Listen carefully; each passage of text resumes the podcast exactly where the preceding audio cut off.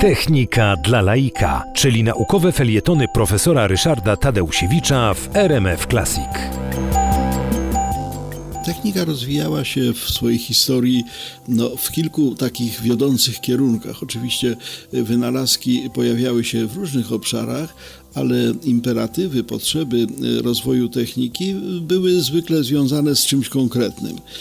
Początki rozwoju techniki to były przede wszystkim sprawy urządzeń wytwarzających rozmaite rzeczy i obecne fabryki są już mniej chłonne jak gdyby na nowinki techniczne, bo właściwie większość technologii osiągnęła pewien pułap, no jeśli nie idealny, to przynajmniej zadowalający. Natomiast później oczywiście technika rozwijała się również na potrzeby wojska, nadal się zresztą w tym kierunku rozwija różnego rodzaju formy komunikacji, od samochodów poprzez samoloty aż po statki kosmiczne. To też był taki e, pewien e, czynnik e, ustalający kierunki i priorytety techniki, ale to wszystko jak gdyby już było.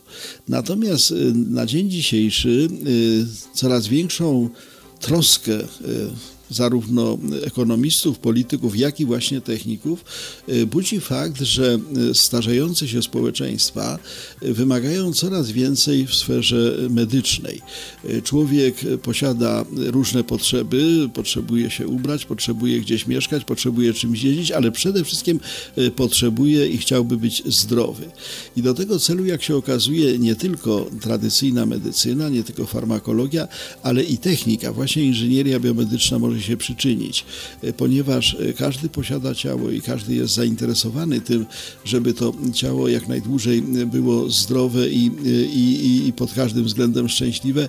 Bez tego inżynieria biomedyczna ma ogromny obszar przed sobą, bo od aktualnego stanu do stanu, w którym będziemy mogli mówić o zaspokojeniu potrzeb, jest droga niesłychanie daleka. Stąd czeka nas piękna i wspaniała przygoda techniczna, ekonomiczna, społeczna, właśnie z inżynierią biomedyczną, jako nowym czynnikiem zmieniającym y, formy naszego życia, ale także i zmieniającym nasz świat, właśnie tak zwykle technika zwykła to robić.